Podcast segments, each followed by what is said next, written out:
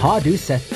Barcelona har skaffa seg den 31 år gamle tidligere Las Palmas-spilleren Kevin Prins Boateng. Nei, de bare kødda. Nei da, jeg mener det faktisk! Det skjer på ordentlig. Barcelona har styrka stallen med Morillo og Kevin Prins Boateng i januar. Nå skal de vinne Champions League. La liga loca. En litt gærnere fotball.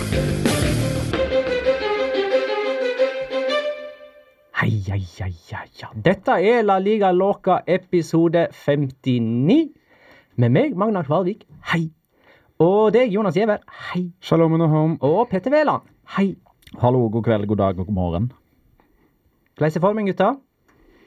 Ja, stigende, vil jeg si. Den, eh, den er, Ja, Du var- jo sjuk for to uker siden, og siden så har det bare gått oppover. Du er fortsatt ikke helt Nei, jeg er litt sånn røskete røsket i halsen og litt tett i nesa, men eh, på bedringens vei. Jeg har faktisk vært på treningsstudio et par ganger òg, så da begynner det virkelig å se bra ut her. Hvordan gikk det med de fem kiloene du tok av i fjor, eller var det året før? Det Eller var- det så, sånn omtrent på disse tider i fjor? Var det sånn nyttårsforsett-opplegg? Jeg føler meg litt som Oprah Winfrey. Altså, det er mye jojo-effekt på meg. Litt opp og litt ned og litt opp og litt ned. Men når jeg har vel grunnet sykdom, så er det vel ned igjen, så da skal jeg vel sikkert opp igjen nå veldig snart. Finn meg på et burgersted nær deg. Premiere på Oprah Winfrey Mention i La Liga Loca. Ja, forhåpentligvis avslutning òg. Alle de tre største klubbene i Spania vant eh, for andre runde på rad. Og nå utgjør de Jegu topp tre. Det skal vi snakke om. Eh, og så må vi nesten finne ut hvem av La Liga-klubbene som har gjort det dårligste trenerbyttet til nå. Celta Vigo eller Villarreal? Det, sitter- du Det er faktisk ganske mange kandidater når man tenker, på, tenker over det. Uesca hadde ikke kjempesuksess umiddelbart. Real Madrid hadde ikke kjempesuksess umiddelbart. Nei, men du må vel ta det, du må vel ta det etter forventningene òg, da. Åpenbart. Ja, ikke sant? Jeg vil jo tro at uh, Nå sitter vi i studio her da, med en som er Villarreal-supporter, og jeg tror hvis du spør Petter, så tror jeg det er ganske åpenbart at det er ett navn som blinker seg ut nesten sporenstrekk. Spesielt med tanke på hvem de var kobla til, og hvem de endte opp med. men vi skal ikke svare på det spørsmålet akkurat nå. Nei, la oss ikke gjøre det. Nei, Jeg har bare lyst til å, jeg har litt lyst til å strø litt salt i såret før vi bare skal rive det opp om eh, noen minutter. Det kan bli mer salt i såret. Ja, ja, ja. Real Madrid, Sevilla 2-0. Casemiro skåra på ei perle. Modric skåra i andre seriekamp på rad for første gang i sin La Liga-karriere. Eh, skal vi ta et uh, lytterspørsmål fra Håvard Nordås? Kan man si at Real Madrid begynner på eh, vårsesongen sin nå? Liksom sånn type ny vår? Uh, altså godt spill og flere seire, eller er det bare et eh, lysblaff av godt spill? Ja, I fjor så sa jeg at eh, Real Madrid var litt som Jekyll and Hyde. i det at En kamp var de dårlige, og en kamp var de gode. Og Nå kan det se ut som de har en Jekyll and Hyde-sesong, hvis de skal ta denne første kampen her eh, i da del to av La Liga-sesongen 2018-2019 eh, som eksempel. For de så Dette her er vel, og det sa vel også Paolo Machin etter kampen, at vi møtte det beste Real Madrid-laget som har spilt denne sesongen her. Og Nei, det var altså strengt tatt etter, etter det jeg så, så syns jeg det var ett et lag på banen. Eh, Real Madrid hadde kjempekontroll på det aller, aller, aller meste. De bare sleit litt foran mål. Og så, litt slik som du sa siste episode, Magnar, Casemiro med ei kule. Selvfølgelig. Jeg tippa jo han som første Ja, målskårer. det gjorde. Og da tenkte jeg da jeg sa det, at det, det, det skjer en sånn type tilfeldighet på en dødball, at ballen bare Og det holdt på å skje. Dette i føttene så han kan bare tuppe han inn. Ja. Men så Ikke skjønt... snakk ned deg sjøl nå. Nei, jeg skjønte underveis i kampen at det kan faktisk skje på et langskudd, fordi at uh, midtbanetrioen til Sevilla er jo aldri i press på uh, Real Madrids midtbane. Altså, Forvarselet kom jo ved Ceballos, som skjøt i tverrligger. Seks ganger skjøt Casemiro i løpet av den uh, kampen på lørdag. Han har Ja. aldri skutt mer i løpet av en kamp som profesjonell fotballspiller noensinne. Ikke i Porto, ikke, ikke for B-laget til Real Madrid. Nei. Er det verdt å tro at eh, Real Madrid skal bli bedre så fort Isco og Marcelo kommer i form igjen? Jeg mener, er ikke den formsvikten bare eh, Hva det heter eh, Midlertidig? midlertidig? Eh, og skal ikke den skadelista med Bale og Ascencio og ja, Kroos Jorente blir kortere etter hvert. og Det er jo forbedringspotensial over hele fjøla. Det, det merker en jo bare For nå satt jeg i begynnelsen her og, og hørte veldig på hva dere sa. Og det er jo helt riktig at Real Madrid hadde kanskje sesongbeste nå mot Sevilla. Mm. Spesielt andre omgang, kanskje beste omgangen deres. Ja. Men allikevel, det var, det var ikke sånn etter Real Madrid-standard at dette skal ha vært det mest imponerende til nå denne sesongen. Forteller veldig mye om sesongen. Forteller Mer om list- sesongen enn om kampen. Forteller hvor hen lista har blitt lagt. eh. Og en av årsakene er jo bl.a. at både Isco og Marcelo eh, ikke er i form i det hele tatt. Og eh, når, man, når man ser de rapportene som kommer fra treningsfeltet og enkelte eh, Nå er jeg i utgangspunktet motstander av å bruke stillbilder til noe som helst, men det er primært under kamp når det er stillbilder av personer eh, i profil, ikke i profil. Så det, det er noen bilder der der man liksom med det blotte øyet bare kan se at ja, han har gått opp et par kilo. Okay, så eh, Marcelo og Isco. For det eh, har vi fått et spørsmål fra Isco the Dog. Om Marcelo bare er i dårlig form, eller ha- er han seks kilo for mye, som ryktene forteller? Men hvis Nei, jeg tror ikke han har seks kilo for mye, men det, det er noen gram der. Og det er det. jo med på å gjøre han i dårligere form. Hvis han har lyst til å gå ned fem kilo, så har han en jævlig god slankekur til. Ikke det der grønne guggene du kom med når meg og Magna hadde den 24-timerssendinga, vel? Litt Det var ganske god, faktisk. Nei, den var Det var noe smoothie-greier Ja, ja, ja, med banan og kanel. Nei, pepper. Nei, med, nei, ikke så mye pepper, men det var, var det var cayenne- cayennepepper. Ja, det var Ja, det. Ja, og så var det kanel i det. Stemmer. Og spinat. Grønnkål. Grønnkål var det. Ja. Mm. Ga ikke oppskriften til Fikk ikke moren din den oppskriften? Jo. Funka det Jeg har ikke hørt noe fra henne siden. Nei, den er god. Nei, men eh, ja, Den funka veldig bra for meg, Men men, ja, er litt, litt annerledes nå. Både Isco og Marcelo har fått de de beskyldningene der nå. Mm. Eh, At de eh, Men jeg, er- vet- men jeg veit ikke om det stemmer, eller om de bare er så lei av å skrive det samme nå i alle avisene om at ja, Isco er på benken, ja, Isco er i dårlig form, ja, Marcelo blir eh, eh, plassert på benken av samme grunn som Isco, og dette er synderne, og disse blir liksom eh, hengt ut. Ok, Hva skal vi skrive da, gutter? Nei, altså Marcelo Isco var jo ute igjen nå, da. Skal vi, nei, skal vi legge på det et par kilo, da, eller? Altså, Det er jo veldig vanlig, eh, og Isco og, og Marcelo jeg begynner å bli veldig sånn der eh, analyserende rundt kroppsfasong og sånn, men de begge to er jo korpulente karer da, som har den uh, kroppsbygningen ganske så naturlig. Uh, så at de kanskje legger på seg et par kilo Jeg tror kjapt, Is, Jeg tror Isco og. Marcelo er litt sånn som Roberto Carlos og ordentlig Ronaldo. Altså når, den, dagen de legger opp, den dagen de legger opp, Ja. altså det er som å se en deig i ovnen som hever. Det fins mange sånne spillere. Kanskje vi skulle ha laga en liste over hvem som kommer til å bli tjukke bajaser etter karriereslutt. Ja, Jeg kan jo bare bruke meg sjøl. Altså, jeg har ikke all verdens spiller spillerkarriere å skryte til, men når jeg slutter med å spille fotball Jeg har ikke spilt fotball, jeg veide 113 kilo på et tidspunkt, jeg, så Ja, ja. Der har dere den. det, var, det var 103 skikkelig. her. Ja. Har du vært tre- tresifra, Magna? Nei, jeg har, ikke, jeg har aldri vært på 80-tallet engang. Steike ta. Uh, Venicius var frisk! Jeg liker for jeg går fra podkasten i protest. ja, det var han. Han var veldig frisk. Igjen! Altså, Ja. jeg mener, eh, fortsatt så er det liksom han. Uh, Real Madrid-fansen Ja, hva skal man si? Trykker til sitt bryst. Kanskje Modric har våkna litt òg, da. at eh, man er tilbake i uh, Modric-dyrkingen. Men uh, Venicius står for X-faktoren der framme.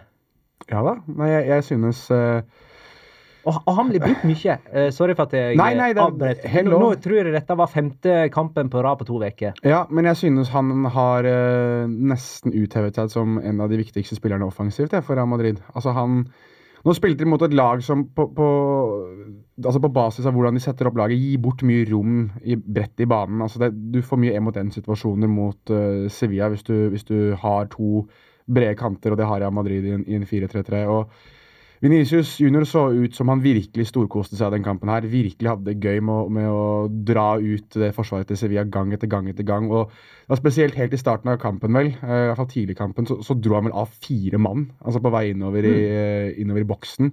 Og skulle vel hatt et frispark, eller fikk et frispark, jeg husker ikke helt. Men i hvert fall, Uh, han ser ut som han virkelig har funnet plassen sin i Real Madrid. Det ser ut som at han egentlig ikke vet hva det er å ha press på seg. Vet ikke hva det er å eh, kjenne på det at du bytter ut eh, litt sånn samba-rytmer og kanskje Selvfølgelig, altså, Å spille i den brasilianske ligaen for en av de største lagene der er, er, det er mye press. Men Real Madrid er noe helt annet. Men det ser ikke ut som Venicius Junior egentlig har skjønt det, eller vet at det eksisterer. Og det, og det er litt deilig, da. Det er jo han som har kommet best ut av den Real Madrid-høsten her nå, med alle skadeproblemene. Ja. For det har jo gitt han muligheten til å skinne, og det virker som at han har en sånn herlig offensiv tankegang der han sjøl skjønner at dette er muligheten. Ja. Dette må han ta vare på. Det er litt sånn som um, Vi har snakka om han tidligere i podkasten òg, Samuel Chukwese. Altså, de unge spillerne som bare automatisk Opp med farten, rettvendt, utfordr, prøv. Det elsker jeg. Og det gjør Venicius. Konseptet Venicius er jeg ikke så fan av. Spilleren Venicius derimot, han begynner å vokse. Du må snart ta en gjennomgang av det konseptgreiene. Ja, eventuelt så kan du kalle konseptet for noe annet enn Venicius. Ja, det kan jeg. Konseptet unge brasilianere. Men spilleren Venicius, han kan bli den nye kongen i Madrid. Var Sevilla litt feige, eller? Ja Altså, jeg, Når jeg har sett andre bortelag på Santiago Bernabeu denne sesongen, så har de kanskje brukt eh, de første 20 minuttene på å være nervøse og, og spille med respekt for eh, eh, Los Galacticos og, og Santiago Bernabeu. For så å riste det av seg og bli varmere og varmere i trøya og, og spille seg inn. Ja. Eh, og liksom mm, bare erkjenne at pokker, vi møter jo bare et helt ordinært lag. Det er ingen grunn til å ha, ha så mye respekt. Spilte egentlig Sevilla med den respekten hele kampen? Ja, men altså, det er litt sånn Vi har nevnt det veldig mange ganger, den skrekkelige statistikken Sevilla har mot Real Madrid og andre storlag. Mm. De siste sju sesongene så har de tatt fem av 105 mulige poeng på bortebane mot de fem øverste lagene på maratontabellen i La Liga. Altså de, de største, mest Ja, historiske ja, ja. lagene. På samme mes så var problemet at de lot Inyaki Williams springe i bakrom. Så det skulle de jo helt åpenbart korrigere. at Denne gangen så skulle de ha kontroll på bakrommet. Sjelden Venicius og Benzema kom gjennom. Eh, altså Noe vil det alltids være. Men det resulterte i at midtbanen ble passiv og gikk aldri opp i press på skudd. Som gjorde at Real Madrid fikk liksom kanonade på kanonade på kanonade, og sånn kommer 1-0. Mm. Jeg er helt enig. De, og jeg la veldig merke til ehm, En ting for Real Madrid sin del, da, som, som kanskje også gjorde at uh, Sevilla ble så defensive, var at uh, det virket som om spillerne foran Casemiro fikk en hel slags ny giv av å ha han ute på banen. Kanskje fordi at han er blitt så eh, Man er blitt så vant med at han er det defensive skjoldet og den som har mest rutine. Altså, Modric så jo plutselig ut som Luka Modric igjen. Han så ut som en, som en verdensklassespiller og en spiller som potensielt sett kunne vunnet Ballon d'Or for første gang i denne sesongen her, spør du meg. Uh, altså, Real Madrid fikk også lov til å spille høyere opp i banen mitt, stopperne sine. Men jeg synes at det, det som var mest Kall det sjokkerende med, med Sevilla, var at det var ingen av de tre sentralt i banen som tok ansvar. Var ingen av de som enten lå defensivt som et skjold, eller som gikk og pressa. De var liksom litt luntne alle sammen og ventet på at den ved siden av dem skulle gjøre noe. Så jeg, litt sånn første gang jeg kanskje har tenkt over det, men kanskje de virkelig savnet Rocky Mesa, f.eks. Bare en som tar den ene taklinga, bare for å sette seg litt i respekt og si at du kommer ikke inn sentralt her. Veit ikke hvem de savna. Steven Nsonsi. Louis Moriel. Han skåra noe vanvittig skåring for eh, Fiorentina nå. Det er det ingen som har påpeka, verken på min Twitter-konto eller La Liga Loca Pod sin Da må du følge Endre Olav Osnes, som kaller han for The Goat. ja, Han var helt spinnvill i Fiorentina-kampen. Altså, han viste jo ingenting av det der i Spania, i La Liga. Ja, men Det er et eller annet med noen som bare passer inn ett sted. Ja. altså les Italia. Eh, og som Serie A i ikke passer inn i, i Spania. Altså, den fyren som bare drev og snubla inn skåringa ved eh, hell-tilfelle i Spania, han er helt Ronaldo av typen brasiliansk i Serie A. Mm. Det var Real Madrid sin andre strake sitt andre strake tap. Hvor mange eh, kamper har de på rad uten seier nå? Tre, fire. Fire. Ja. Eh, og så møter de Barcelona i, eh, Fem der, altså. Copa del i Copa del Rey. Eh, så fem der. K hvem Nei, det kan vel hende at de vinner med ett mål, men Barcelona går videre. Men det kan jo Ja. hende det blir Levante, da. Og ikke Barcelona. Kan det fortsatt hende, det? Levante har klagd inn til appellkomiteen. det at Barcelona brukte en spiller med karantene i forrige Copa del Rey-runde. Den første kampen mot Levante. Det var en Barca B-spiller som hadde eh, fått nok gule kort i Segunda B Ja. Til å uh, få karantene, men skal han sone den i Copa del Rey? Ja, det er jo det man eh, strides om. Ja. Sånn som regelverket var ved sesongstart, så skulle han ha sona karantene i alle turneringer fram til den ene kampen var sona for B-laget. Altså, da var han suspendert når A-laget til Barcelona spilte mot Levante. Men i november så kom det en regelendring, en uh, circular, som eh, det spanske fotballforbundet kaller det for. eh, der man eh, åpner for at spillere som har lisens både for A- og B-lag, skal ha samme karanteneregelverk å forholde seg til som, som A-lagsspillerne. Og det vil si at enhver karantene som blir betrakta som eleve, altså lett, én, to og tre kamper, sones i den turneringa den pådras i. Mm. Ergo var han ikke suspendert. Så de kom med regelendring midt i sesongen. Ja. vi må jo få med oss navnet på denne her, da. Det er jo, Bergen, Tjomi. det er jo Bergens favoritt-Barcelona-spiller. ja. Jom igjen. Den var morsom, syns jeg. eh. Nei, jeg har rett innimellom. Altså, Jeg er som en stoppet klokke. To ganger om dagen så da treffer jeg òg. Ja, det gjør du. Barcelona-Leganes 3-1. Mm. Eh, Dembélé skåra for eh, Barcelona før danske Breathwaite utligna. Eh, og så kom Messi inn på stillingen eh, 1-1. 1-1. Og da skåra Suárez, eventuelt Cuellar med sjølmål. Og så skåra Messi sjøl. Ja. Skal vi ta den situasjonen først som eh, sist? Eh, 2-1-skåringen. Eh, Sivert eh, van Morik har sendt oss et spørsmål. Kan en av grunnene til at målet til Suárez sto i går, altså søndag, være at Cuellar tar seg til fjeset etter kontakten? Det kombinert med keeperens rykte kan muligens ha vært nok til at dommeren tenkte at det var filming og eller for lite kontakt. Sjøl mener Sivert at det der skulle ha vært annullert da, for angrep på keeper. Det er grunnlag for det. Det jeg noterte meg mest med den situasjonen, var at først tok han seg eh, Altså keeper Cuellar tok seg først til ansiktet, så til armen, og så tok han seg til skrittet.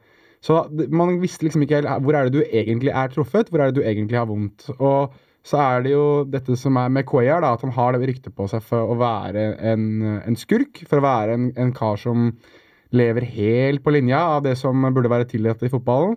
Så det, her kan det strengt tatt være litt det at han tapte litt på, på ryktet sitt. Uh, så jeg har sett situasjonen en del ganger bare sånn for å se hvor kontakten der er mellom Suárez og, um, og uh, Cuellar. Det er et bilde som er veldig illustrerende også, at han blir, altså han blir jo løpt ned, Cuellar. Og jeg, jeg mener jo at det ser ut til at han skal uh, at det skal annulleres uh, for angrep på keeper.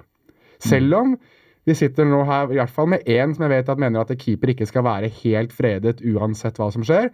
Men akkurat i det tilfellet her så syns jeg det er ganske klar, en klar forseelse på, på Jeg tror alle tre av oss er enige at keeper ikke er freda uansett hva som skjer. Ja, litt. Altså, jeg mener i, når keeper er offensiv til verk, sånn som for eksempel disse tilfellene her vi hadde i fjor hvor keeper slo ut tennene på, på motspillere, Mm, da er, da mener jeg at det skal blåses oftere. Men at det, når keeper går opp og skal plukke med seg ball og bli dytta over ende, eh, så er det mener jeg at som regel så er det keeperen det skal blåses i favør for. Men eh, her, denne her er jo helt klar, da, syns jeg. Her er det liksom ikke noe, noe slingringsmonn heller, føler jeg, da.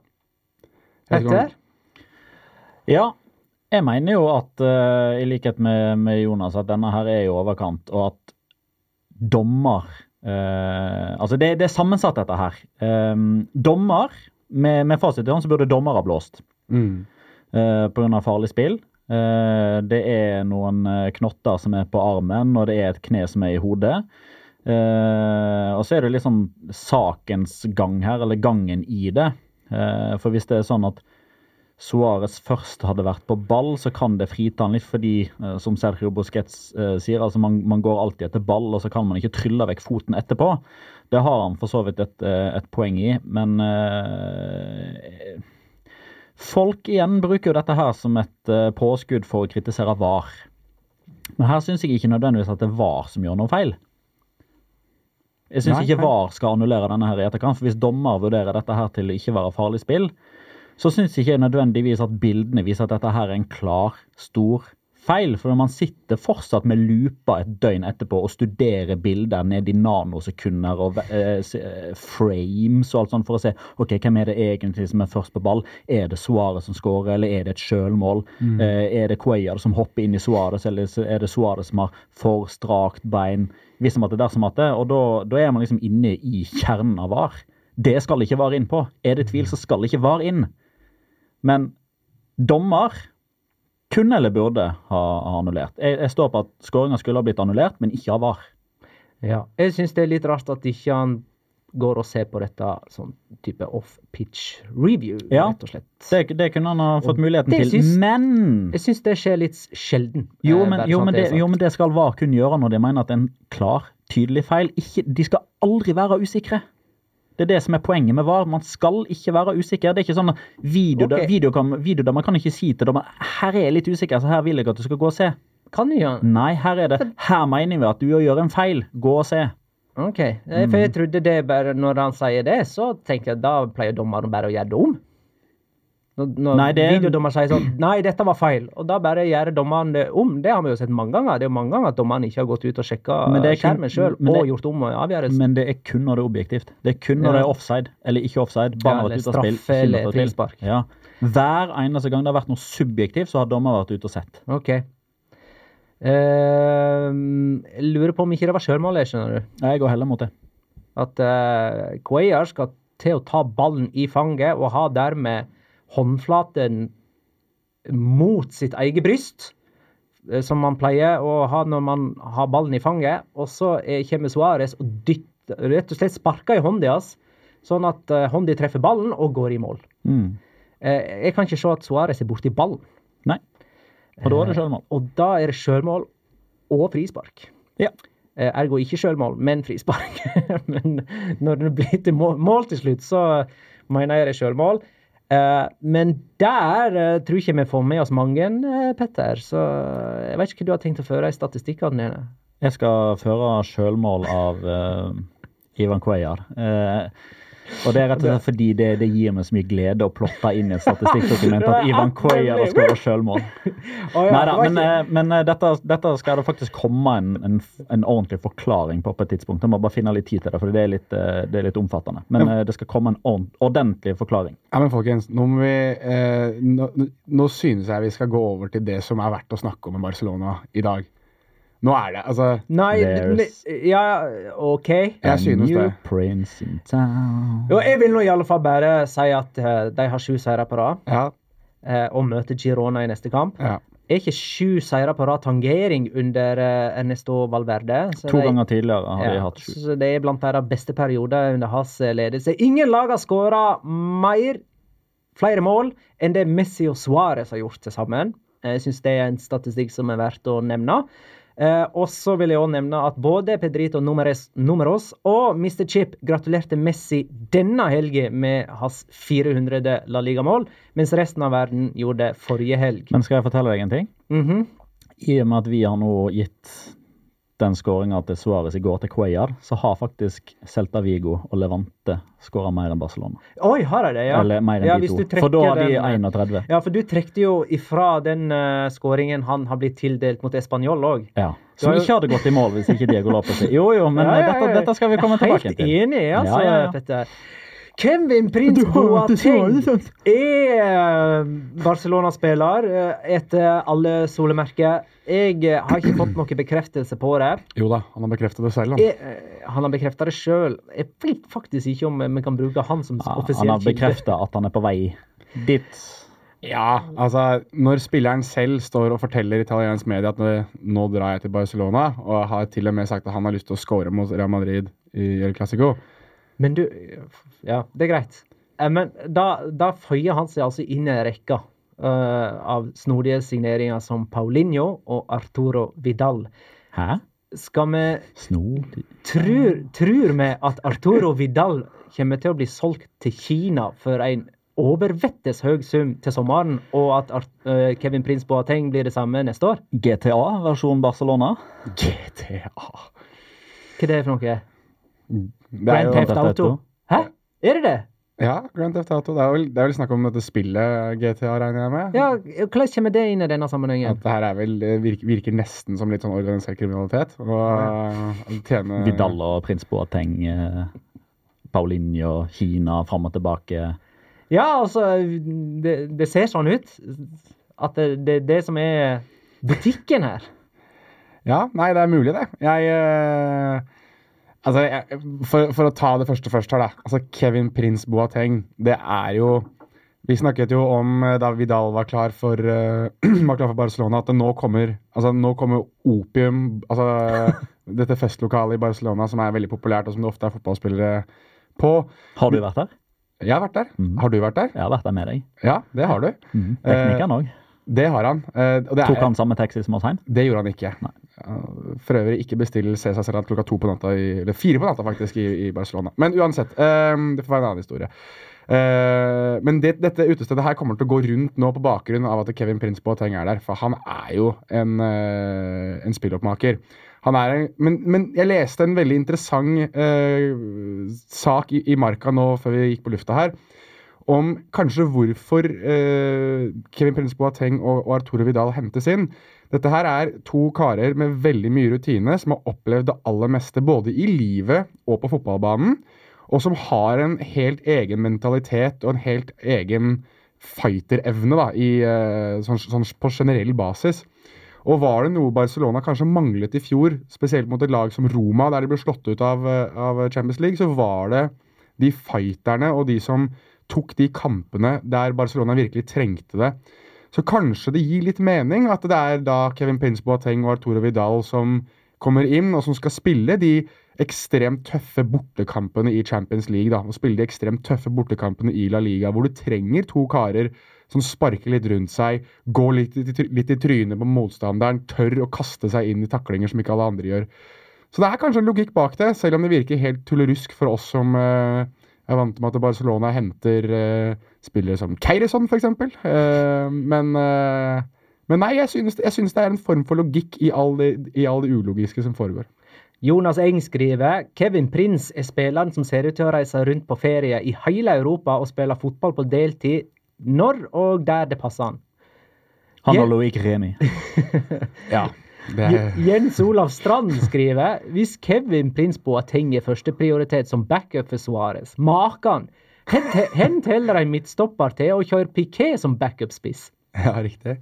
Jeg vet ikke om jeg skal ha backup-spiss, da. Eh, Det var jo Altså, det, har vært veldig mye rare rykter som har pågått i, rundt Barcelona nå den siste tida. Altså, nå har jo Vi skal sikkert litt inn på det etterpå, men det virker som Alvor Morata går til uh, Atletico Madrid. Han var jo veldig kobla til Barcelona. De aller fleste kilder og, og troverdige journalister i Spania har skrevet at Barcelona fulgte den overgangen til døra. Altså, de prøvde alt de kunne for å få Morata til, til Barcelona, men at det ikke gikk. Og så har det gått eh, Carlos Vela. ja, jeg skal akkurat til å si Carlos Vela også. Har vært kobla. og der har det gått i både meksikansk og amerikansk media, og han har vært ute og snakket om det selv. Og, så, så det virker litt som at Barcelona har en profil der de i hvert fall vil ha erfaring. De vil, vil ha noen som har vært med på en del ting. da. Og eh, at man da har en liste som sier Alvor Morata, Carlos Vela, Kevin Prince Boateng, det eh, Jeg vet ikke helt om, eh, om det er en liste jeg ville hatt i 2019. Jeg ville kanskje hatt den i 2010. Eh, men, men for all del, det det, det, er, altså det er et eller annet som gir mening, egentlig, selv om det ikke, ikke gir så veldig mening. Og så får man da selvfølgelig Prince-drakter som kommer til å gå som varmt hvetebrød nå i eh, Catalonia neste seks månedene. Men jeg husker jo sommeren 2017. Eh, da latterliggjorde vi alle denne Paulinho-overgangen. Eh, og det viste seg at det, det, det tjente de på sportslig. Eh, definitivt. Spesielt den første halve sesongen. Og den høsten der var jo med på å legge grunnlaget for eh, at de vant La Liga til slutt. Da var han veldig god, Paulinho. Eh, da snakka man liksom bare om den syke prisen og at han ikke hadde vært så veldig god i Tottenham. og alt sånn. Da så man seg kanskje litt blind på hva er de negative sidene eh, kontra ok, hva kan han faktisk tilføre. Litt det samme med Arturo Vidal, ikke i like stor grad. Altså Arturo Vidal har jo alltid vært en større stjerne. Eh, spilt for kjempestore klubber, Bayern München, Juventus. Eh, han syns jeg har klart seg helt ok. Har ikke vært briljant, men ikke han har vært dårlig heller. Han har gjort den jobben han har blitt satt til å gjøre. Og jeg føler Kevin Prince Boateng føyer seg litt akkurat der, fordi Hvis vi ser litt tilbake igjen på hva Kevin Prince Boateng har gjort i La Liga Han var meget, meget god for Las Palmas. Det er ikke mer enn to sesonger siden. Halvannen sesong, for å være konkret. Hva slags fotball spilte Las Palmas da? De spilte Kike sett igjen-ball. Kike sett igjen er jo kanskje den som passer best til å ta over Barcelona dersom Valverde gir seg nå til sommeren. Så jeg ser, en, jeg ser en logikk her på måten eh, de vil brukes på. eh, Eller måten han vil bli, komme til å bli brukt på. Eh, Jeg tror han rett og slett bare aksepterer at når han kommer dit, så er han andre valg i ganske mange posisjoner. Eh, Han er ikke en som starter, med mindre han får sjansen å virkelig ta vare på den tror nødvendigvis ikke han kommer til å starte El Clásico i en toppa elver, basert på hva som har blitt vist, men han er liksom eh, en av de som har rutine, som har spilt i La Liga tidligere, som passer inn i systemet, og som aksepterer å være et andre valg, og ikke minst som er tilgjengelig i et januarvindu. For det er et veldig vanskelig vindu å navigere seg i. Og om ett år så blir han solgt til Kina for 450 millioner kroner. Dembélé så jo litt Messi ut eh, i denne kampen. Han lykkes med 11 av sine 15 dribleforsøk. Det er flest i en eh, La Liga-kamp av alle spillere, dette ifølge Oppda. Eh, han ble skada, vrei ankelen og er ute i 15 dager, cirka. Ja. Tre eller fire kamper ryker, deriblant da de to uh, Sevilla-kampene. I Copa del Rey. Coutinhos time to shine, med andre ord. Ja, eh, Anders Ektvedt spør eh, med Dembélé ute, tror vi da at Valverde går over til 4-4-2, eller blir det 4-3-3 med Coutinho på plassen til Dembélé? Oi, det er et godt spørsmål. Jeg, jeg synes det er vanskelig å svare på, jeg. Men Eller Kevin Prince som eh, spissmakker til- med eh, Suárez i 4-4-2. jeg må få sagt det før Petter sikkert har et litt bedre svar enn det jeg har. Men hvis, hvis Kevin Prince Boateng kommer inn i Barcelona og dytter ut Coutinho, da må det være kroken på døra for hans del, altså. Det, altså, det er greit at han har slitt, men når til og med Kevin Prince Boateng i 2019 spiller foran deg, da er det på tide å pakke sekken og dra. Men akkurat nå i disse ukene her så ser det jo faktisk ut som at uh, Valverde planlegger en sterkere elver i Copa del Rey-kampene enn i uh, La Liga. La Liga. For det er på grunn av at motstanden de har i La Liga, er egentlig veldig beleilig for dem akkurat nå i dette programmet. Så har de en god uh, luke på toppen der òg nå. Altså, vel, Fem poeng, ja. Ja, det er en liten ja, god luke. Det er, det er en ganske god luke sånn sett under La Liga-sesongen La Liga sett under ett. Så er det en ganske god luke for dem. Uh, det kan jo fort være. Men jeg syns det er gøy at eksempel Alenya ser ut til å ha fått uh, flere muligheter. Det har jo vært uh, et hylekor fra Barcelona-supporterne i en del år nå at ikke La Masia-spillerne får en mulighet. Så leste jeg at i dag at Sergi Samper får lov til å gå gratis til sommeren nå. Det er jo litt trist for de som husker han som en sånn potensiell superstjerne for noen år siden. Han har jo slitt mye med skader, dessverre. Eh, men det er det jo samtidig gøy å se at Alenya da, ser ut til å i det minste få en plass i laget. Enda en danske markerer seg i spansk fotball. Breathwaite signerte for eh, Leganes, og samme dagen nesten skåra han eh, mot eh, Real Madrid i Copa del Rey. Og fire dager senere så skåra han altså på Barcelona, og er den første Nei, den tredje denne sesongen i alle turneringer som skåra på begge de to. Eh, sammen med Diego Costa og Sergio Canales. Mm. Eh, andre danske i historien, eller noe, som skåra på begge. Tredje. Tredje er det. De to andre er Jon Lauritzen og Rolf René Christensen, eller noe sånt. Så Mikael Lars Laudrup René gjorde det aldri. Nei, han skåra aldri mot Barcelona. Nei, men han hadde helt sikkert målgivende. Hadde han helt sikkert. Sikkert fem av dem òg. Eh, I samme kamp. han var jo med å vinne 4-0 med Real Madrid i El Clásico og med Barcelona i El Clásico. Var ikke det noe sånt? 5-0? 5-0, 5-0 begge veier. Ja. OK, om litt grann skal vi snakke om Kollentåka i Uesca. Uesca Atletico Madrid 0-3. Skuldrusett. Um, To bekker, da, som skårer. ja, det var uh, Takk. Ja, Det var, det var den jeg lette etter. Lucas Hernandez og Arias Mm. skåra hvert sitt uh, mål. Og eh, er det Emil André Karlsen. Hvor viktig har det vært for Atletico at Santiago Arias har levert eh, varen? Og Ja, og at man må, nå kan regne med å ha to faktiske sidebekker når man går eh, mot den viktige delen av eh, sesongen. Altså sidebekker som er gode offensivt og defensivt. Ja, det er jo, Nå har du i hvert fall to bekker som ikke er skadeplaga, da. Det- Ja, det er men, eh, men er vi enige om at uh, Arias har levert? Ja. Det syns jeg. Mm. Og bare, han blir bare bedre og bedre. Og du ser problemet i Real Madrid. Marcelo, venstrebekken, ute av form. Carvahalla en stund skada. Eh, du ser suksessfaktoren til Barcelona med at eh, Jordi Alba alltid er en nøkkel i alle angrep. Mm. Og i ofte Sergio Roberto. ja, ikke sant? Og i de gode periodene til, til Sevilla så var jo Jesus Navas blendende som wingback. Så det virker jo å være en uh, viktig posisjon, dette. Det er det jo blitt i langt større grad. altså Manchester City har vel vist det ved å punge ut noen vanvittige summer på spillere som Kyle Walker og, Benjamin Mendy. Så selvfølgelig er det jo Alle storlag i verden har eh, kanskje forstått hvor viktig det er å ha to dynamiske bekker eh, som suser opp og ned. Og Atletico Madrid er jo et lag som spiller en så kompakt og så eh, sentrert fotball at eh, når de først da får noen som kan bre ut spillet deres, så må det være, være de, de bekkene. Og at de har, nå ser ut til å ha to, da, hvis vi skal ta den kampen her som eksempel. Så, så kan det gi dem en ny dimensjon, da, den tid eh, spillere som Thomas LeMar fortsatt bommer alene med keeper, f.eks. Eh, så, så må de finne andre veier til mål. Og da når det er det er jo litt spesielt, og det kommer nok ikke til å skje så mange flere ganger denne sesongen her. Bank, bank, nå skjer det sikkert neste runde. Men at begge bekkene til uh, Atletico Madrid skårer i samme kamp, det er jo ganske spesielt. Men jeg må jo gi kred til spesielt Aria sin avslutning. Det det også, først fremst Med så mye tåke å se at den ballen faller ned fra Grismann, og så avslutte på første eh, i motsatt hjørne igjen.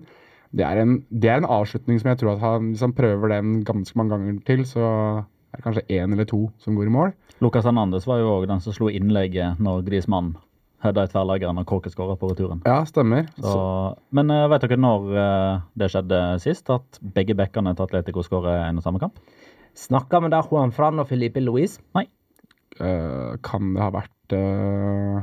Dette er en uh, statistikk fra Mr. Chip. Den er ikke min. Ha, Oi, Falousti Nei, han spilte kanskje ikke back, men Han spilte back av og til, men nei. Perea Nei. kan, du si, kan du si Er det på 2000-tallet? Nei. Ah, ja, fra, det er sånn 90-tallsgreie, liksom. Eh, 10. januar 1999 var forrige gang. Agilera og Serena. Å ja, de to, ja. Ja, de husker jeg. rykka de ned?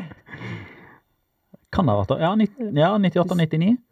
Ja, Nei, da holdt de seg Ja, 99-2000 de rykka ned, da. Ja, det mener jeg. da- Jeg da holdt de seg. Ja.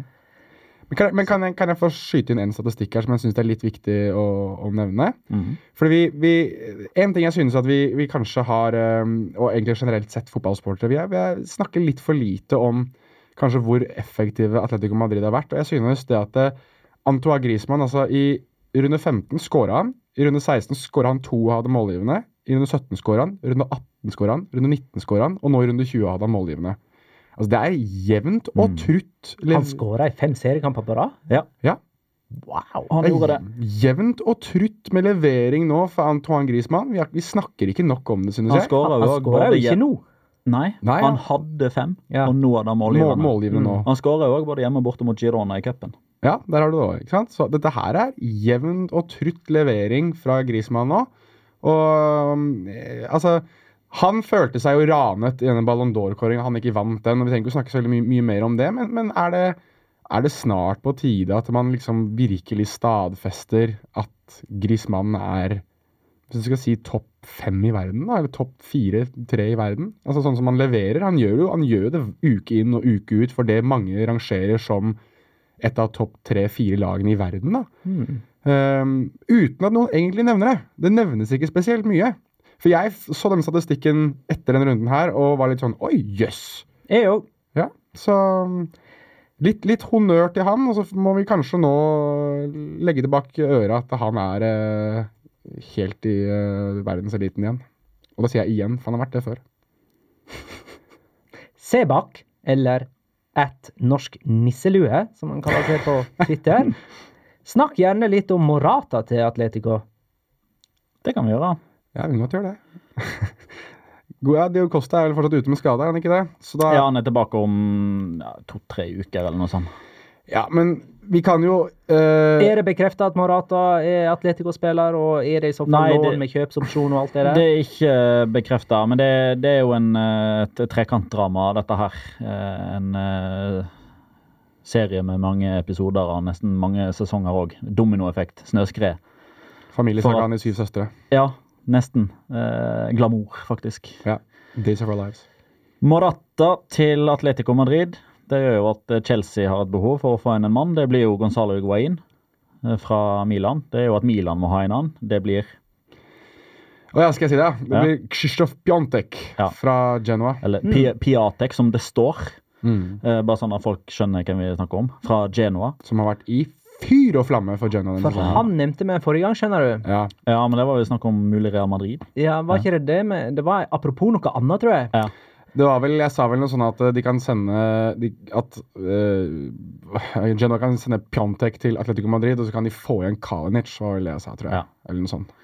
Og det er jo òg en sånn fjerde konsekvens av denne dominoeffekten. Det at For at Morata skal kunne komme til Atletico Madrid, så må de la minst én gå. Det blir Kalinic og eller Gelson Martins. Så kanskje blir ringen slutta hvis Genoa tar en av de to, da. Ja. Det vel, Storleiken. ja, det er vel Arsenal som i første omgang så har vært kobla til Jelson Martins, eh, blant annet. Ja. Så eh, Men det oppsummerer altså for å gå tilbake til Morata, da, han, eh, at han kommer inn, oppsummerer jo også det at eh, vi, vi hyllet jo Atletico Madrid litt grann for deres overgangspolitikk nå i sommer, at de hentet veldig mye spennende.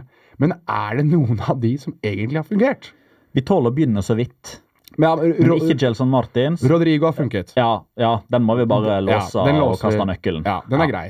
Den er grei, men Men den visste vi kom til å bli- bra òg. Ja, fordi det var åpenbart at han var bare Gabi i litt større Ja. fasong. Og så var jo for så vidt ikke vi tålet til sommeren, det var januar i fjor. Ja, men vi kan godt regne han med. Det er jeg med på. Men Men, men, men både Kalinic og Gelson Martins eh, var jo sånn OK, de har aldri spilt La Liga før. Passer de inn? Nettopp. Jeg, jeg var jo, eh, jeg var jo eh, fra meg av begeistring når jeg så Gelson Martins på Santiago Bernabeu for, for Sporting eh, Ja. høsten 2017. Jeg syns han var bra. Det, det husker jeg vi krangla om. Det første innhoppet mot Valencia. Ja. Jeg mente han var kjempegod da, og du sa liksom bare Hva var det der for noe, liksom? Ja. Ja. Så da er det de to. Thomas LeMar, dårlig, Mm. syns jeg. Veldig dårlig. Skuffende. Eh, brukt mye, mye penger. Var et prestisjeprosjekt. Eh, ikke fungert. Arias begynner å komme ordentlig nå, Mm. så han må vi kanskje sette snart i samme bås som, som eh, Rodri. Så er det da selvfølgelig Antonio Adan, da, som på en måte er, er backupen og du egentlig ikke kan si så veldig mye på. Ja, vi kan vel si at det funka vel ikke så veldig bra i og med at de røyk ut av Copa del Rey. Den, Nei, nei. Nesten den ene kampen han sto, så slapp han inn tre av tre skudd som kom. Ja, ok, greit. Uansett, jeg, jeg blir litt sånn, han har ikke spilt noe særlig, så da er det vanskelig å si så veldig mye på ham. Men ja. hvis, vi tar, hvis det er det vi dømmer ham på, så selvfølgelig har det vært feil òg, da. Det er Oblak bakover uten han Oi. Jan. Uansett, da, så synes jeg det er det at de har bommet så mye på overgangsmarkedet i sommer, gjør at de faktisk må ha inn en ekstra en nå i januar. Og med det at Diego Costa også er ute med skade, gjør jo det at eh, behovet er enda større igjen. Uh, og da er det jo Alvaro Morata som, uh, som gir mest mening, og som har mest lyst til å uh, bytte klubb, og som, som jeg tror kan, kan gå inn og gjøre en god jobb jeg, i det Diego Simione-systemet. Og det blir jo enten at han starter, eller blir hoppa, bytta inn eh, i hver kamp. Altså sånn eh, Ja. altså Han vil jo kanskje sånn starte annenhver kamp og bli bytta inn Ja. i annenhver kamp. Sånn at det blir jo masse spilletid, selv om det er to spisser der av høyt kaliber når Kosta er tilbake. Ja, så, og, så tror jeg, tror jeg du understreker det vi snakket om også før sesongen, at, det, at det prioriteten til Atletico Madrid denne sesongen her, det er å, å gå så langt som overhodet mulig i Champions League, og mest sannsynlig hele veien til, til finalen som spilles på Wanda Metropolitano. Og uh, Chelsea har jo ikke spilt uh, Champions League, så han kan jo spille Champions League for Atletico Madrid. Ja, men det kan man uansett. Det har man endra på nå. Og ja, du har det endret på Ja. Du kan spille for to forskjellige klubber nå. ja, du kunne i hvert fall det Uh, Han kunne det under det gamle systemet, og kan under det nye systemet. Eh, Atletico er for øvrig ute nå av uh, Copa del Rey, så de slipper nå den uh, belastningen, da, hvis man skal kalle det det. Eh, for øvrig, jeg så ikke målet til Arias.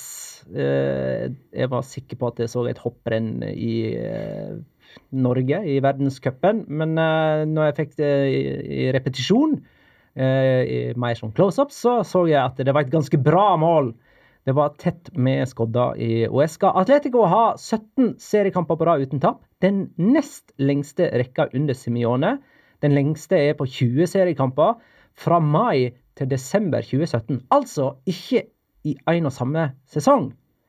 Eh, De gikk vel 16 seriekamper, de 16 første seriekampene forrige sesong uten tap. Så sånn i én og samme sesong så er dette en ny rekord, mener jeg. Um, og Simione har vel signert nå til 2021. Mm. Mhm. Så denne sesongen pluss to til på papiret. Siden vi har vært gjennom de tre store nå, så tar jeg et spørsmål her fra Oskitjo. Jeg vil at vi skal svare ganske kjapt på det. Hvor mange poeng ender topp tre-lag opp med? Oi, til syvende og sist, liksom? Bare gang det de har nå med to, sånn cirka. Jeg sier at uh, vinneren havner en plass på 90-tallet, og at nummer to og tre er på 80-tallet begge. Eh, jeg tror ikke det. Jeg tror eh, vinneren havner mellom 85 og 90. Nummer to havner over 80, men tredjeplassen er på 70-tallet. 87, 83, 80. Jonas 87, 83 Valencia nummer én eller to eller tre? Én. Vant den jo denne runden her, da. Så nå, er det, nå, er det, eh, nå har de spilt så mye uavgjort, så nå skal de vinne resten av kampene. Tradisjon, tro. Hva var det du sa, Petter? Jeg sa at vinneren får mellom 85 og 90. Ja, Vær litt mer spesifikk, så får vi en greie på det her. Uh, Jeg er ja, ikke ja. noe spesif mer spesifikk, jeg. Nei, men vær noe spesifikk. Men, eh, spesifikk, Ja, ta til 88, da. 88 på vinneren. Nummer to for uh, 81, 81, som det heter. og nummer tre for 74. 74. Da sier jeg 93, 87 og 81. Det er lov, det, altså. Det er lov. Ja. Det er lov. Kan jeg få lov til å ta opp en ting eh, nå før vi går videre? Ja. Jeg har lyst til å snakke litt grann om eh, De vi kommer for øvrig litt etterpå også, men jeg vil snakke bitte litt om Real Betis. Eh, Vi kommer til deg etterpå, ja. Ja, men Skal vi snakke litt lenger om dem? For jeg, jeg Vi kan snakke eh, lenger om det når vi kommer dit. Ja, ok, men Da venter jeg til det. Da venter du til det. Atletic, eh, eller skal vi ta det i riktig rekkefølge? Viareal Atletic Klubb 1-1. Home Costa skåra sjølmål for Viareal. Ekambi skåra i riktig vei for Viareal. Disse to eh, lagene her kjemper jo med Valencia om å ha flest uavgjort denne sesongen, så det måtte bli uavgjort internt. Noe som betyr at Atletic har like mange uavgjort som Valencia med 11, mens Villarreal kommer snikende bakfra med sine ni. Nå gikk jo Valencia på en skikkelig smell og vann eh, denne serierunden. da. Dette var òg et trenerbytederby. Ja. Eh, ting har gått bra for eh, Atletic og ræva for Villarreal. Skal vi se på Gaisca Garitano-tabellen? Ja, det skal. Atletic ligger på fjerdeplass nå på Gaisca Garitano-tabellen. Real Madrid har passert. Mens Villarreal, som har null seire, fire uavgjort og ett tap under Luis Garcia, har bare fire lag bak seg på Luis Garcia-tabellen. Som jo er flere lag enn de har bak seg på den reelle tabellen, så det er jo Er ikke jo så, det er ikke så verst. Ja, ja, ja. Hva skal vi si? Ja, hva skal man si? Sjølmål eh, imot i akkurat den kampen her var jo Det var jo nesten litt sånn skrevet i stjernene. Eh, fordi den, den uka inn mot kampen, altså oppbygginga til kampen, så brukte jo Viareal Jaume Costa som den som liksom ute, som holdt pressekonferansen, som ba fansen om å møte opp. Sammen er vi sterkere. Blæ, blæ, blæ. Og selvfølgelig så er det jo han som skårer sjølmål. Da den ballen gikk i mål, Ja. var det en sånn del der som sa det der var Fones Mori. Det må ha vært Fones Mori. Ja, faktisk. Ja. Fordi uh, denne helga her så har jeg tatt eh, besøk fra, fra Odda, fra Finn Bjørnar, som var med Ja. til, um, til Shout- Madrid her forleden. Shout-out til Finn Bjørnar. Yes, Uh, Han kan bekrefte at det ble ropt både uh, Funnes Mori og Mor di og litt sånn diverse, før jeg fant ut at det var Jarme Costa. Ja, riktig. Mm. Carl M. Torgrimsen spør rykker Villarreal opp igjen på første forsøk neste sesong. Skal vi sende de ned allerede? Ja, De gjorde jo det sist. Eh, da brukte de jo det her som et påskudd til å få renska ordentlig opp. Altså Viareal rykka jo ned. Det første de gjorde, var å slette all gjeld til alle kreditorer. de, mens de fortsatt var i La Liga og fikk TV-penger derifra. Og det andre de gjorde, var å signere kontrakter til 2021, en niårskontrakt med kaptein Bruno Soriano. Fikk vekk mye daukjøtt, begynte å satse mer eh, på unge lokale spillere, deriblant Jaume Costa, Mario Gaspar, eh, som fortsatt er der nå. Um, så den gangen så kom man liksom greit ut av det. Det var den ene sesongen der det var liksom ganske traurig. Halvveis så måtte de sparke treneren. Da var det unge Velasquez som, eh, som leda de til jeg tror det var nummer sju eller noe sånt ved juletida. Så kom Marcelino inn. Tapte 5-0 i debuten mot B-laget til Real Madrid. Og så eh, gikk det veldig veldig bra. De rykka opp som Segunda-vinner. og Noe sånt kan jo sikkert skje igjen, men det er liksom eh, Hvis jeg tar på meg supporterbrillene, da, så tar jeg en titt på Segunda eh, sånn som den er nå. Altså, der er det mange lag som i hermetegn skal opp på første forsøk. Mm. Det er Malaga, det er Granada, det er Deportivo, det er Osasona, det er Saragossa, det er Las Palmas, det er Sporting Gijon, det er Oviedo. Eh, altså, så går to av de opp, da. Eh, eller tre. Eh, men ja, én eller to, for det kommer jo alltid en sånn eh, debutant opp. Eh, Al- Alcorcon Alcorcon, eh, skal jo antageligvis opp. Så det, det kommer til å være Nei. Nei. Vi, vi skal ikke dit. Nei, jeg, jeg, jeg, Eller de skal ikke dit. jeg, satt, jeg satt og tenkte litt på, eh, på det etter den kampen, eh, og også etter Valencia sin kamp mot, eh, mot Celta. at eh, jeg lurer på om Petter eh, har et sånn moralsk dilemma om at han egentlig håper at Jeg vet jo hvor glad du er i Jago Aspas, men du må jo håpe på at han brekker beinet eller noe sånt, slik at den her dårlige stimen til eh, Celta Vigo fortsetter ut sesongen, for da går jo de rett ned. Ja, altså hvis, hvis Celta måtte spilt resten av sesongen uten Aspas, da hadde jeg satt pengene mine på at de rykka ned. Ja. Det, det hadde jeg, men uh, jeg tror jo de Jeg tror det er andre lag man skal eh, forsøke å ta seg forbi. Men vi kan eh, gå videre til Celta Vigo Valencia 1-2. Araujo Åh, Jeg sliter sånn med det navnet. Araujo? Araujo. Araujo. Araujo. Ja. Skåra for Celta Vigo. Ferran Torres utligna for Valencia. Rodrigo Moreno eh, skaffa Valencia tre poeng med sin eh, matchvinnende skåring. Og spørsmålet er hvor lenge dette her holder for Celta Vigo under Miguel Cardoso. Fire tap på rad ute av Copa del Rey. Ni offisielle kamper siden han tok over for eh, Mohammed, har gitt to seire, én uavgjort og seks tap. Anders Abrahamsen spør hva tenker dere om situasjonen i Celta Vigo.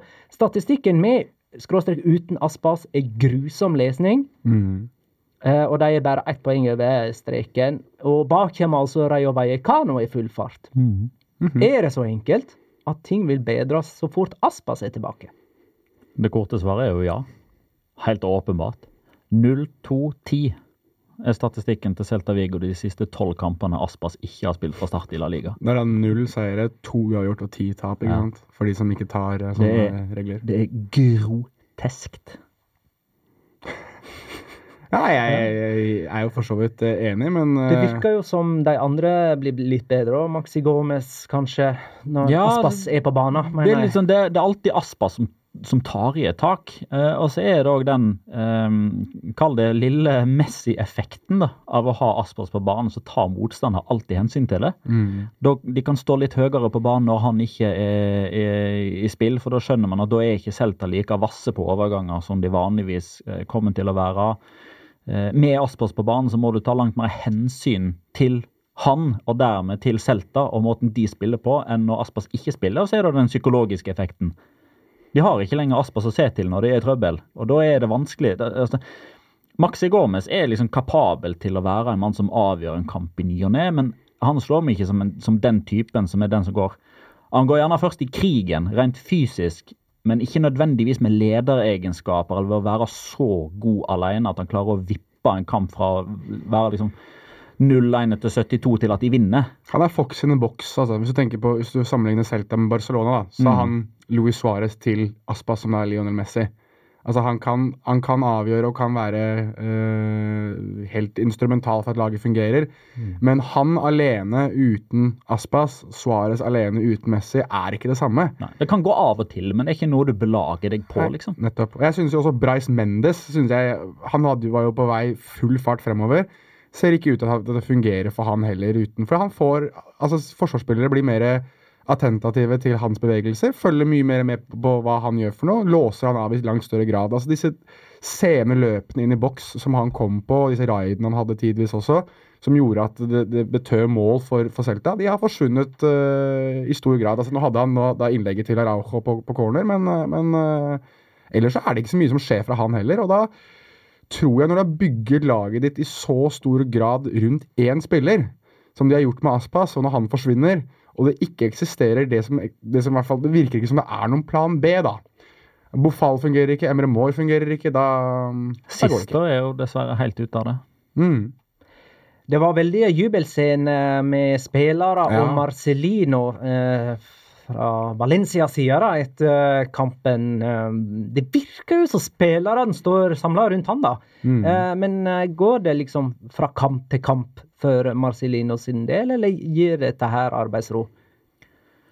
Spørs jo litt eh, Altså, hvis de Altså, det er jo et veldig kjedelig svar, men resultatene til syvende og sist er det som kommer til å avgjøre alt. Ja, Nå har de Retafe borte i cupen i morgen, og så har de Villarreal i et veldig viktig oppgjør på, på lørdag. Mm. To dårlige resultater i de to kampene der, så er Pagnoladen raskt framme med, med hjemmekampen mot Retafe neste uke. Ja, for sånn har det vært egentlig siden tapet mot Alaves i den første kampen i januar. At eh, nå, det går liksom fra helg til helg. Et dårlig resultat neste helg, og det er ut. Eh, og så berger han på en måte jobber med en uavgjort mot Valladolid, så da virker det som lista ligger jo ganske Mm. lavt ikke si, Høyt for sparking likevel, da. Panjolada er da for øvrig hvite hånddukene. Ja, ja. Bare slik at uh, Ja. den attentative lytter vet, tenkte jeg. Men et eh, tap mot uh, Villarreal kan jo fort være kroken på døra i- igjen, da. Ja da. Eh, og det kan fort være vår tippekamp, eller? Valencia har vunnet 25 av kampene denne sesongen og ligger på øvre halvdel. ja, det, Eller for å gjøre det enda verre, da. De har ikke vunnet 75% av kampene, og så ligger de på øvre halvdel. Eh, jeg og Jonas vet du, vi skal på den kampen. Woo! Mm, eh, Valencia Villarreal. Faktisk invitert av La Liga. På en sånn, eh, det som blir kalla La Liga Experience. eh, For eh, rett og slett eh, oppleve La Liga litt. Grann. Eh, Så vi skal vel Vi skal Planen i, i alle fall opprinnelig var at vi skulle få være med på en Valencia-trening. Mm. Intervjue noen Valencia-spillere. eh, og få sett eh, kamp og være med på pressekonferanse og den slags. Er litt usikker på hvordan det blir nå ettersom kampen har blitt flytta fram en dag. Ja. Jeg, og du skal jo på jobb med Viasat midnatt, altså natt til fredag, med Copa America-trekning. Skal ikke du det? det stemmer, det. Eh, så vi kan ikke reise før fredag. Eh, uansett. Nei, kan ikke. Vi kan ikke flytte reisen vår. Uh, men eh, det blir spennende å se, da. Vi får i alle fall uh, dekka litt av den reisen på uh, sosiale medier, så folk får fulgt med. Ta med Ja. hvite lommetørklær, da. Ja, må vi det? Burde Skal- vi det? Du og meg står og hyler Fuera! Ja, Fuera! For det er jo det samme sånn enten mot Luis Garcia og Villarreal eller Marcelino og Valencia. Det hvite tørkleet passer jo i enhver sammenheng. Jeg gleder meg til eh, jeg får sånn, igjen sånn akutt tilbakefall på influensaen min og står med å tørke nesa mi, og så er det en eller annen El Dia Despues uh, som finner en, en eller annen tulling som står med et hvitt uh, lommetørkle som faktisk må sånn, pusse seg i nesa, og det da er meg. Så går det Spania rundt. Men eh, skal vi tippe, da? Jeg, uh, forrige eh, runde tippa vi på Real Madrid Sevilla. Petter hadde 2-1 til Real Madrid med Venezia som første målskårer. Det gir ett poeng, sant? Oppe på 14. Jeg hadde 4-1 til Real Madrid med Casemiro som første målskårer. Hvor mange poeng er det vi gir for, for riktig første målskårer nå? To. To. Da får jeg ja. tre poeng, da, for å ha hatt heimeseier òg. Så jeg er oppe på 11. Eh, Jonas hadde 1-1, og André Silva det er null poeng. Du står på 8. Så hva sier vi her, da, gutta? Eh, Petter først. 1-1. 1-1 der, altså. Han tok samme som meg. Det. må jo bli uavgjort mellom uavgjortlagene. Første målskårer Santimina. Eh, da er det jeg. Jeg sier faktisk Valencia-seier her. Altså 2-1 og Rodrigo. Jonas. Uh, jeg syns Petter sier 1-1, og så må jeg si 2-2, da. Ja, for du insisterer på uavgjort. Ja, jeg tror det blir Ja, overtid. lurt. Første målskårer eh, Det var vanskelig, altså. Uh, litt, litt sånn magnarsk da å si Samuel Chukwese. Chukwese, du. Han får ikke starta engang. han. Nei, det er litt det jeg frykter. Men eh, vi Det får briste eller bære, som det så fint heter. Da kan vi gå videre til uh, runden for øvrig, og, og via litt ekstra tid da, til Real Betis Girona 3-2. Ja. Uh, det var jo en kjempekamp. Fantastisk. kamp. Her uh, leda først eh, Betis. Girona snudde. Betis snudde tilbake med overtidsskåring. Uh, laget Real Betis blir jo anført av Lo Celso og Canales. Mhm. Sistnevnte skårer avgjørende målet på straffe. Førstnevnte skaffa straffen. Canales har skåra i tre offisielle kamper på rad.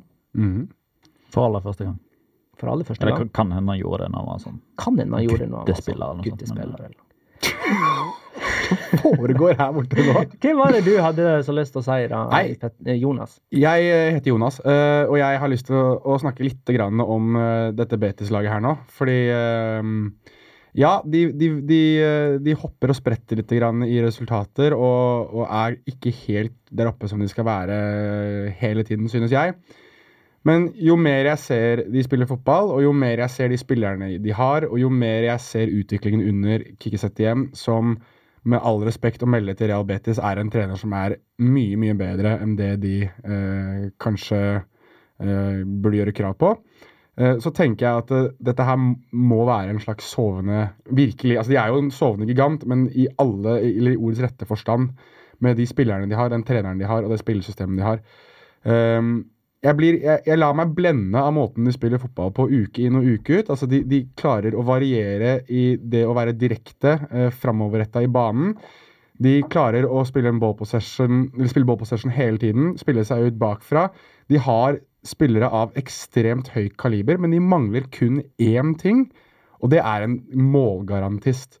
Og jeg sitter og lurer veldig på om de hadde klart å få inn en spiller som garanterer si 15, et sted mellom 15 og 20 mål totalt en sesong, så lurer jeg på om ikke eh, de i hvert fall kunne vært inne og lukta på topp fire. Ikke om ikke de skal utfordre for tittelen, men de, er i hvert fall, de burde være der oppe sånn som de holder på om dagen, synes jeg. De mangler bare en som kan banke den ballen i mål litt oftere enn det Lauren Moron eh, gjør. Synd at Kevin Prince Boateng er Barcelona. ja, ikke sant?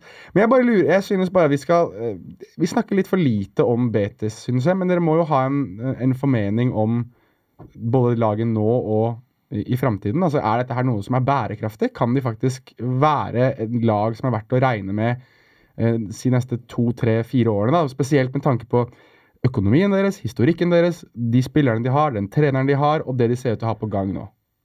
Kan dette Jeg syns vi har vært eh, ganske romslige med Betis-skrytet, men kanskje litt, litt, kanskje litt for lite, fordi de spilte en god del mandags- og fredagskamper den Ja. første sesongen vi, vi holdt på. Det var jo da vi først og fremst ble bergtatt, fordi da var det sånn 4-4 og 6-3-resultater sånn hele tida, og så roa det seg litt på, eh, på våren når Mark Bartra kom inn og dessverre fikk skikk på det defensive. Så da ble det jo sånn 1-0 og 2-0 og sånn i stedet. Men al- altså Real Betis kunne vi jo for så vidt ha via en, en times spesial til. Ja, Eh, kunne. Med, med alle historiene og den underpresteringa og eh, ja, alle de historiene der med, med De Nilsson og med Joaquin og Ruiz de Lopera, presidenten og Altså, det er altså så mye der. Men det som liksom alltid har gått igjen med Betis, det er at hvis det er et eller annet sykt som har skjedd i spansk fotball, så har det skjedd med Betis. Mm. Hvis det er et eller annet som ikke skal skje, så skjer det med Betis. Er det et lag som er altfor gode til å rykke ned, så er det Betis med Edu, med Sergio Garcia, med Marcos Assonsao og Juanito og alle disse her. Oliveira, var ikke det han het? Han Ricardo Oliveira var det, Sergio Garcia var det. Altså, Ja, José- han har du nevnt. Å ja, han har sagt han en gang. José Cañas. Altså, det var Sergio, Sergio Garcia må du nevne. Ja, så, mm. eh, så, men de har jo alltid vært en sovende gigant. De har alltid vært større enn Sevilla. Ja. Sevilla som har vunnet Uefa-cupen og Europa League fem ganger de siste tolv årene. Altså, Betis er større. Ja. Betis har et større historikk, større stadion, eh, større supporterskare. Eh, sjansen er større for at du treffer en Betis-supporter i Sevilla enn en Sevilla-supporter. Mm. Eh, og det gjenspeiler seg jo i den nye TV-avtalen som vi ser litt frukten av nå. For der er nettopp den, altså den sosialpakken som er der, uh, i mangel av et bedre år. Uh, altså eh, følgere på sosiale medier, tilskuerskare, antall TV-seere. Det, det 25% av TV-avtalen går jo på, på nettopp sånt. Ja. Der er det Real Madrid, Barcelona, Atletico Madrid, Atletic, Valencia, Betis. Ja. Så de får et stort jafs av den TV-avtalen. Og det gjør at de kan eh, betale lønna til Giovanni Lo Celso. Det gjør at de kan hente Canales gratis og ved å lokke han dit ved å ha høy lønn.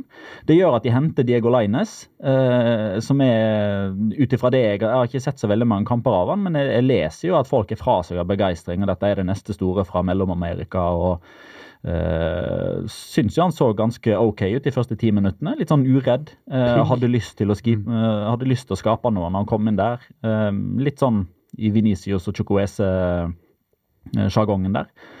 Uh, og, og det de har gjort nå over tid med å signere uh, Mark Bartra uh, De har kjøpsopsjon på Giovanni Lo Celso, som trives som plommen i egget. Uh, det virker som at de liksom er i ferd med å bygge noe som virkelig kan være et solid fundament. Men så er jo liksom spørsmålet er de kreftene og, og Kiki setter igjen, er det sterkt nok til at det står imot den uh, jeg håper å si, auraen som er rundt Betis om at ja, ja, det går fint nå, men de rykker snart ned igjen, fordi det er bare sånn Betis er. Mm. Det er jeg veldig spent på. Men er det, er det lov å håpe og tro at eh, Altså Vi har sett de siste årene Real Sociedad, Atletic, eh, Valencia Det har alltid vært et fjerde lag som har gått til Champions League sammen med Atletico Madrid, Barcelona Real Madrid. Er det verdt å tro at de Det er for at sesongen de har plass er- til fire lag i Champions League. Ja, men at, men at de er det neste laget, da. Det er jo bare fire poeng bak nå. Du skal, nå skal du spå flere år fram i tid. Nei, jeg skal ikke spå noen år fram i tid. Jeg bare synes uh, at uh, det, det er så gøy å se de spille fotball. Og jeg Ja. synes at alt ligger til rette for at de kan være der oppe, da. Kanskje vi skal ha dem med i eh, diskusjonen til neste sesong. Det kan vi godt. Vi er bare fire poeng bak fjerdeplassen nå. Ja, OK, du vil ha dem med i Champions League-diskusjonen allerede. Ja, de er jo bare fire poeng bak Sevilla, ja. faktisk. Ja. Åh, tenk den uh, duellen der, da. Hvis det, Åh, ja, ja. Nei, men det blir spennende. Chetaffe Alaves 4-0. Eh, ser ut som en fullstendig Alaves-kollaps her nå, uten sånne som Ibay Gomez, som har reist til Atletic. Jorge Molina skåra to mål. Ifølge Oppda så var det første gangen han skåra to mål i en heimekamp i Primera. Det er helt riktig. Det er andre gangen totalt. Han gjorde det borte Mm. mot uh, Ja, han- Når vi hadde studiosending, Magnar, på Kanal Pluss august 2011, det var vidunderlige tider når Betis Atletic hadde studiosending. Atletic Betis, unnskyld. Endte 3-5. Men så inne på en spiss som Betis kanskje kunne ha trengt. Um, ja, Getafe er jo i kjempeform. Ett tap bare på siste ti offisielle kamper. Det var mot Barcelona. Og det er altså de som møter Valencia i Copa del Rey nå. Mm. Levante Valladolid 2-0. Eh, Valladolid med sju kamper på rad uten seier i alle turneringer. Begge turneringer. Er helt nede på femteplass. Eh, de har jo vært og snusa på europacupplasser i løpet av eh, høsten. Eh, Rayo Vallecano Real Sociedad 2-2. Rayo leder 2-0. Real Sociedad kom tilbake og sikra 2-2. Det er så deilig å ha Real Sociedad tilbake igjen sånn som de var Hmm. forrige sesong. Kanskje, Koko-resultater. Ja. kanskje sterkere resultater Real Sociedad enn det det ser ut til sånn isolert sett. Som de nå stopper Rayos i seiersrekka, som Men de var, på jo tre. på, de var jo på vei mot fire strake, de. Det var Mm. alltid sterkt å komme tilbake fra to måls underlege på bortebane. Alltid. Eh, og eh, Real Sociedad har dermed ikke tapt under Alguacil, selv om de eh, røk ut av Copa del Rey. Altså, det ble jo to uavgjorte kamper. Ei, Mikkel Merino spilte jo selvsagt ikke denne kampen pga. karantene. Ja, Feilgraderinga de slo til. Pang, pang. Ja, I første kamp etter at jeg kåra han til rundens spiller, så både skåra og assisterte han, og fikk rødt kort. Mm.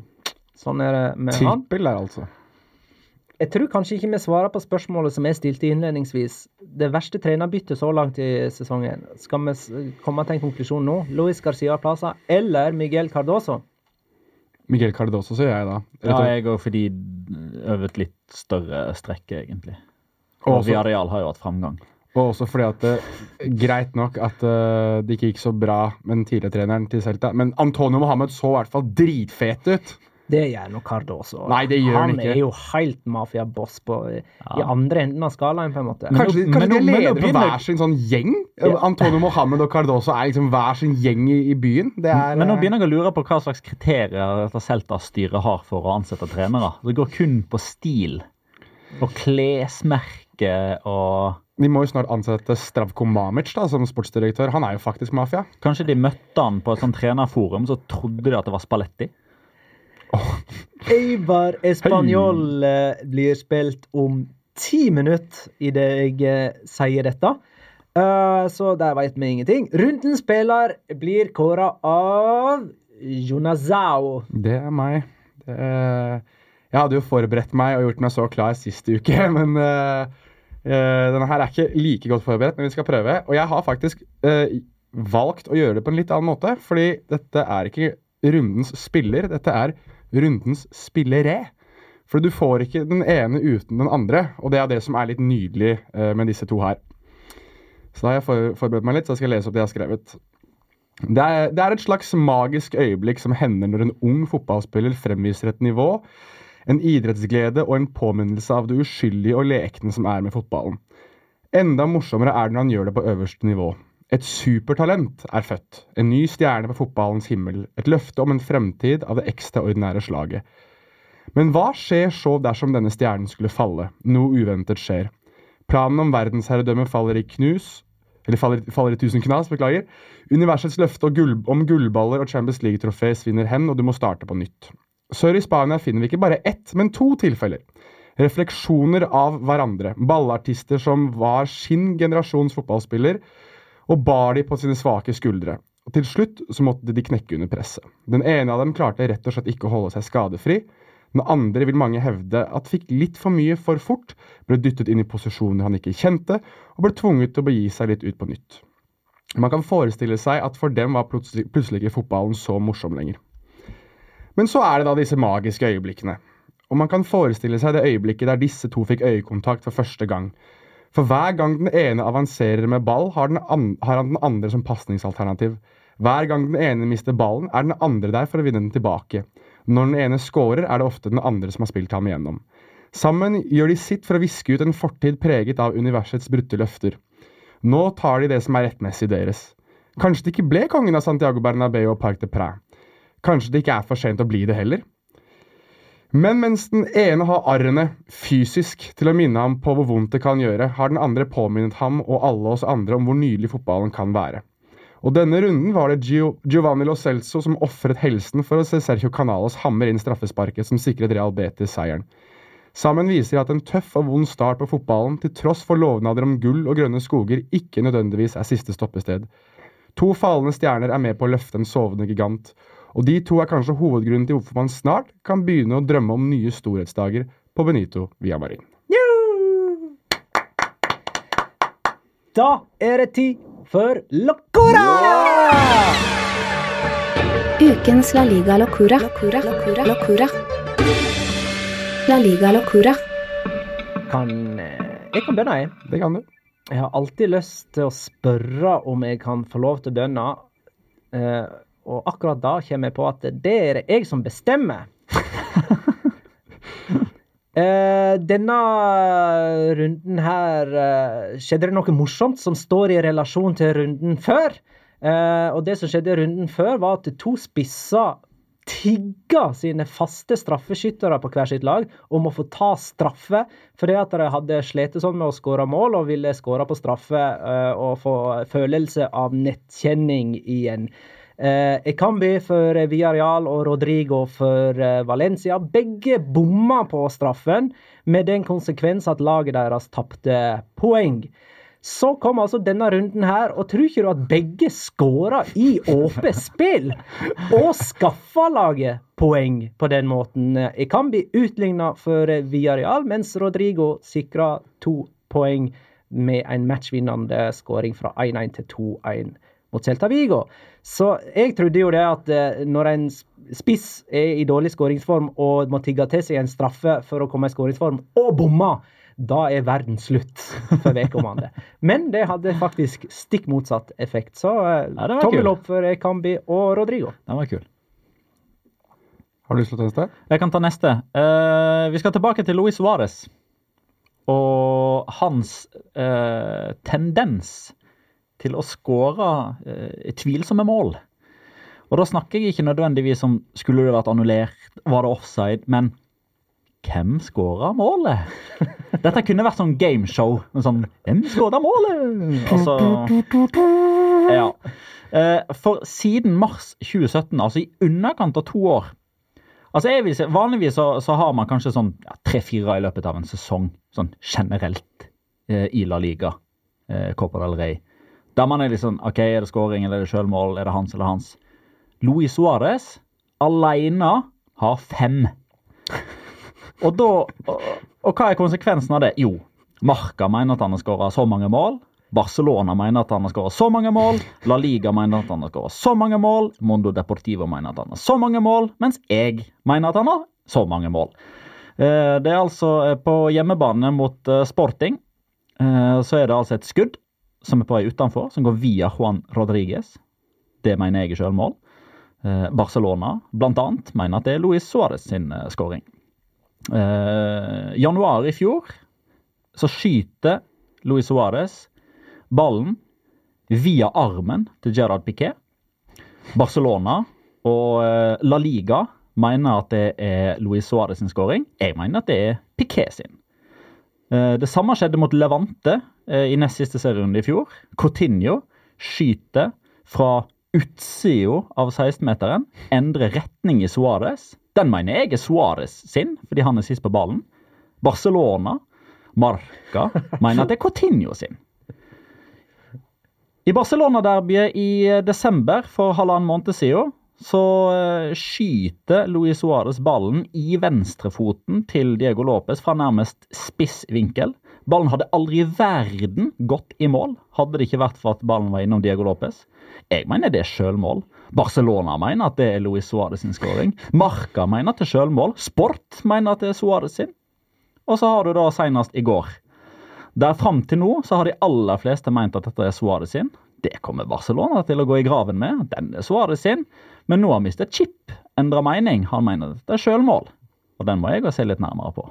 Og dette er en av årsakene til at det på et ikke så veldig mye senere tidspunkt, men litt senere tidspunkt kom enten en blogg eller en eh, videosnutt eller et eget segment eller noe sånt, der man tar litt for seg hva er kriteriene for hvem som skårer mål. Og la oss for Guds skyld være konsekvente. Ikke la oss endre på flisa eller snu kappa etter vinden om det er Messi, Suárez, Cristiano Ronaldo eller Eder fuckings Militao som skårer målet. Han har runda 100 mål i La Liga, eller? Er det Militao? Nei, eh, Suárez. Er det sånn at uh, når resten av verden eh, gratulerer Suárez med 100 uh, Ja da. Uh, 123. Ja, okay. Eller så- 122, unnskyld. Så, ja, så når resten av verden gratulerer han med 200 La Liga-mål, så er du på 196.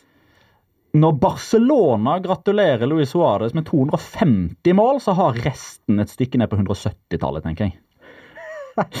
OK, Jonas.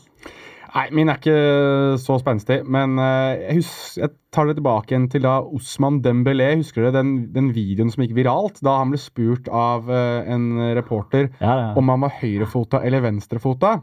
Og da måtte han bruke bitte litt tid, og sa han han er venstrefota. Og så eh, svarer reporteren men du skyter straffe med høyre. Og da svarer Dembélé ja, fordi jeg skyter bedre med høyre. Uh, så han er venstrefota, men skyter bedre med høyre. Uh, og uh, nå er det en statistikk som beviser litt det at det kanskje Dembélé er litt usikker selv på hvor god han egentlig er med de to beina sine. Fordi ifølge Squawka, som ofte har veldig god statistikkpeil, de òg, så har nå uh, Dembélé skåret 40 mål til sammen for, klubb, for klubbene sine og for landslag. 20 med høyre, 20 med venstre. Den er fin. Og der lander Kevin Pins Boateng på flyplassen i eh, El Prat utenfor Barcelona. Er det mye sånn uh, jubel og Vet det er ganske, og- ganske nært til Spanjol sin eh, stadion derifra. Ja. ah, Han nei, men de er i Eibar, de akkurat nå. Han har, er han har på seg, eh, han har på seg Barcelona-jakke. Det har han. Nei, men da Men det kan jeg òg ha. Det er spennende. Det Og så signerer du ha. Eh, nei, men eh, da takker jeg alle våre kjære lyttere for eh, spørsmål, innspill, betraktninger, meninger og alt det har bidra- bidratt med. Tusen takk for at du lytta, kjære lytter. Ha det, da.